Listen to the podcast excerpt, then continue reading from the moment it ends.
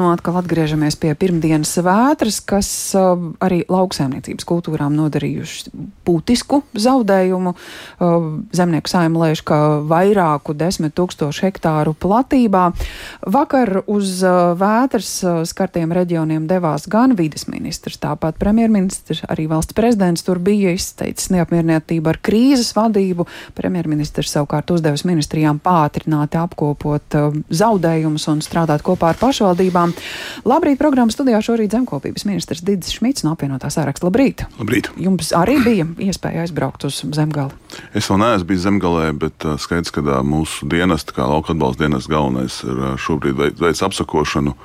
To sarežģītību pakāpi veidot tas, ka mums nav vienlaidus šī krusta skārus Latvijas teritorijā. Ir tāds Dambrets galdiņš ar atsevišķām vietām, faktiski visā Latvijā, tā skaitā arī Kurzemē, ir atsevišķas vietas, kur tas ir noticis.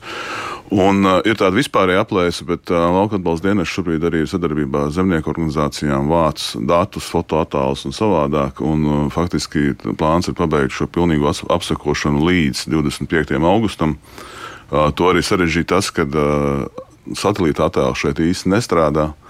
Jo, piemēram, uh, graudi, kas izsist no ārpām, varbūt vizuāli izstāsta, ka tur kaut kas aug, bet faktiski tur vairs nekā nav. Vai arī ziņu platības, kas ir nonesas līdz zemi, atgādina kultivētas jau teritorijas. Mm. Līdz ar to tā apsakošana būs ļoti eh, skrupuloza un detalizēta katru konkrētu vietu. Ja nav tāda viena teritorija, kas būtu skarta, bet visa Latvija faktiski skarta. Jūs sakāt, būs, un, un te arī izskan, ka lauka atbalsta dienas aicina lauksaimnieks no 11. augusta iesniegt to informāciju un foto, fotofiksāciju. Tā ir tikai piekdiena. Nē, nē, tas ir faktiski tā informācija tiek vākta arī tagad. 11. augustā tiek ieslēgta aplikācija, kur to izdarīt ir daudz vienkāršāk, centralizēt. Protams, ka gan zemnieku saimniekam, gan lauksaimniecības organizācijas sadarības padomu jau šobrīd visu datus vāc zemnieka bildē. Tā vienkārši būs vietne, kur tas viss sat, satilps kopā.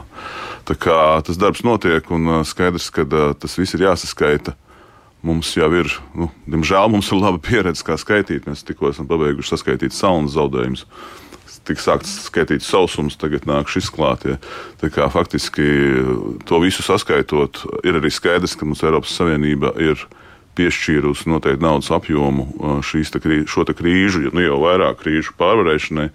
Un būs pēc zaudējuma kopējās aplēses skaidrs, ka būs arī valdībai jāpieņem lēmumi attiecībā uz atbalsta apjomiem. Uh, šis gadījums attiecībā uz lauksaimniecību uh, Mēs arī vērtēsim, protams, kāda ir tā situācija, cik uh, saimniecības ir apdrošinājušās, cik nē.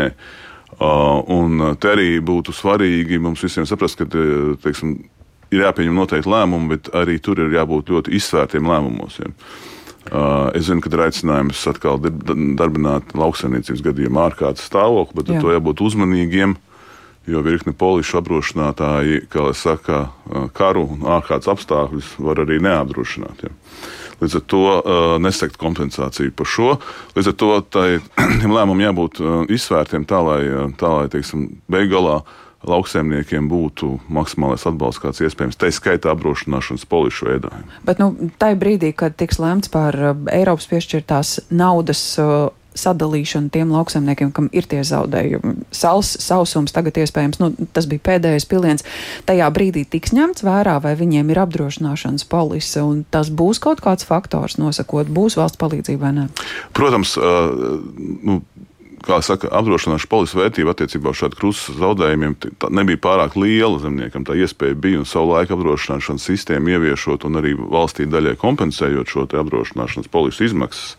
Tas mērķis bija tāds, ka šādu sistēmu ieviešot, um, vairs nav nepieciešamība katru reizi nākt pēc ārkārtas valsts atbalsta, jo ir šī apdrošināšana. Bet arī jāsaprot, ka ir nianses. Ja teiksim, krustu šādu veidu uh, apdrošināšanas polises sedus, tad, ja mēs ejam atpakaļ pie, pie salnām, kas bija viena no galvenajām krīzēm uh, šogad, uh, tad salnas nesedz. Ja, un, uh, Pēc tam mums bija tāda situācija, ka tie uh, saimnieki, kas saka, bija ļoti pragmatiski saimniekojuši, uzlikuši laistīšanas iekārtas un savādāk. Pie šīs saunas apjoma, pie sala stipruma un ilguma šīs iekārtas arī nepalīdzēja. Tā kā tur nav vienas zāles visiem. Ja mēs sējumu platības varējām apdrošināt, tad, teiksim, saunu mēs nevarējām apdrošināt. Un šie, šie caurumi ir jāfiksē, kur viņi ir. Un, jābūt efektīviem, reizē taisnīgiem, ja sniedzot atbalstu. Tā kā tas darbs, tas darbs ir priekšā Eiropas Savienības finansējums fiziski mūsu kontos būs līdz septembra beigām. Tad līdz tam valdībai jālemj par savu daļu, ko viņi liek klāt. Eiropas komisija ir atļāvusi vismaz dubultot nacionālā budžeta šo atbalstu, nu, plus 200% tam, kas tiek piešķirts.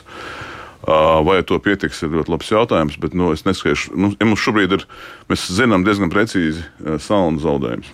Tie ir gan platības, gan saimniecības skaits. Tur viss ir apkopots, un arī naudas summas jau faktiski ir zināmas. Cik tās ir liels? Uh, kaut kur 7 līdz 8 miljonu eiro. Tā tad apmēram tik ir par salnām. Vien skaitīsim, skaitīsim šis šo. arī sausums, bet cik liela ir Eiropas Savienības piešķirtā summa? Eiropas Savienības piešķirtā summa mums izdevās iegūt divreiz lielāku summu nekā mums pēc formulas pienācās. Tie šobrīd ir nepilni 8 miljoni.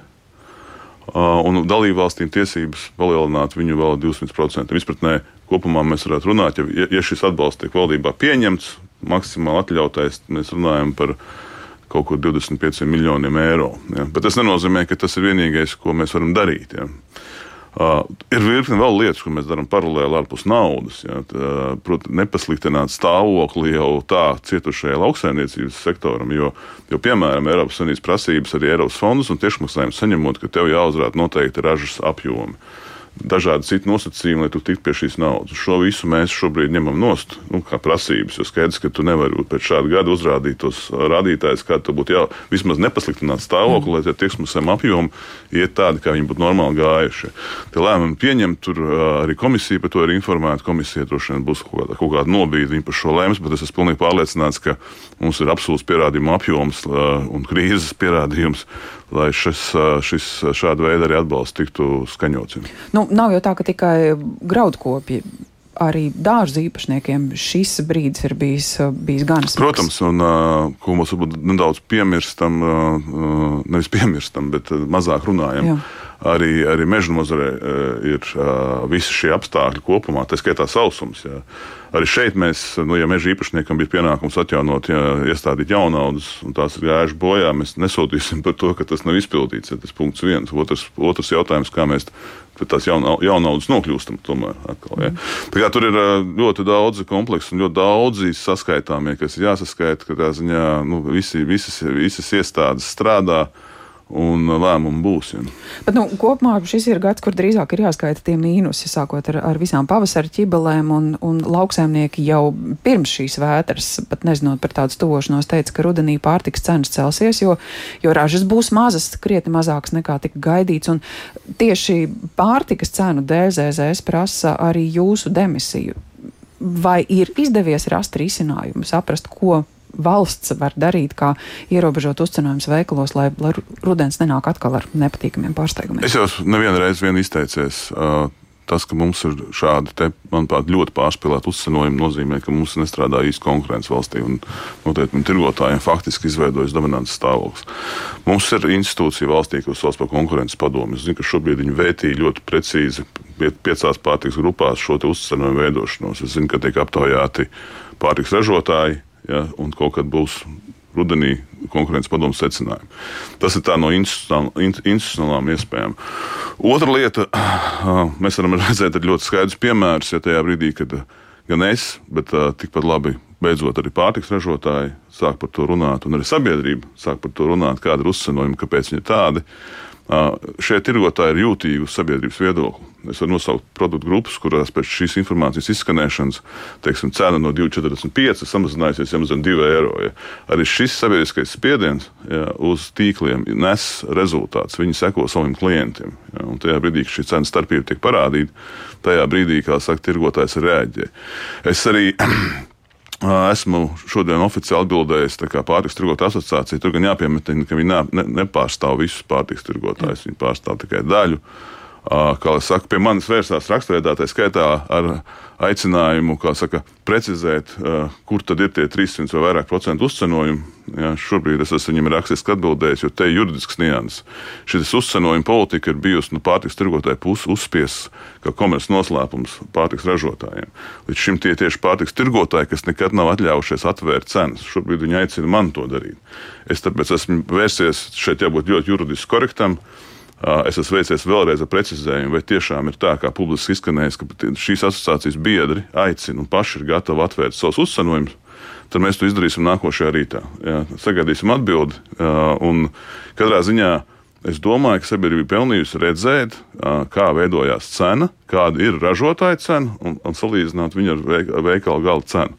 Un tad lemt, vai tu gribi atstāt šo, šo, šo savu naudu Rīgā maksimē, piemēram, vai tu gribi aiziet pie mazā zemnieka uz tirdziņu atstāt, ja pat tas produkts nav lētāks, atstāt šo naudu Latvijā, Latvijas zemniekam. Tieši šāda tirdzniecība. Korespondence un, un skaidrība par to, vai tās cenas varēs atklāt nedēļu, mēnešu jautājums. Uh, nu, es ceru, ka uh, tirgotāja asociācija atbildēs man strauji. Es esmu arī aicinājis nekavēties.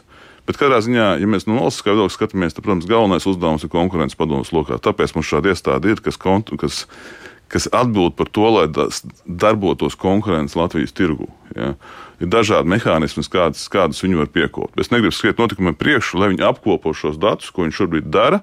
Un nāk ar saviem secinājumiem. Ja, ja būs konkurences padomus rīcība, kas uh, ir adekvāta, tad, tad labi. Ja, ja būs kāda problēma, tad lemsim tālāk. Ja.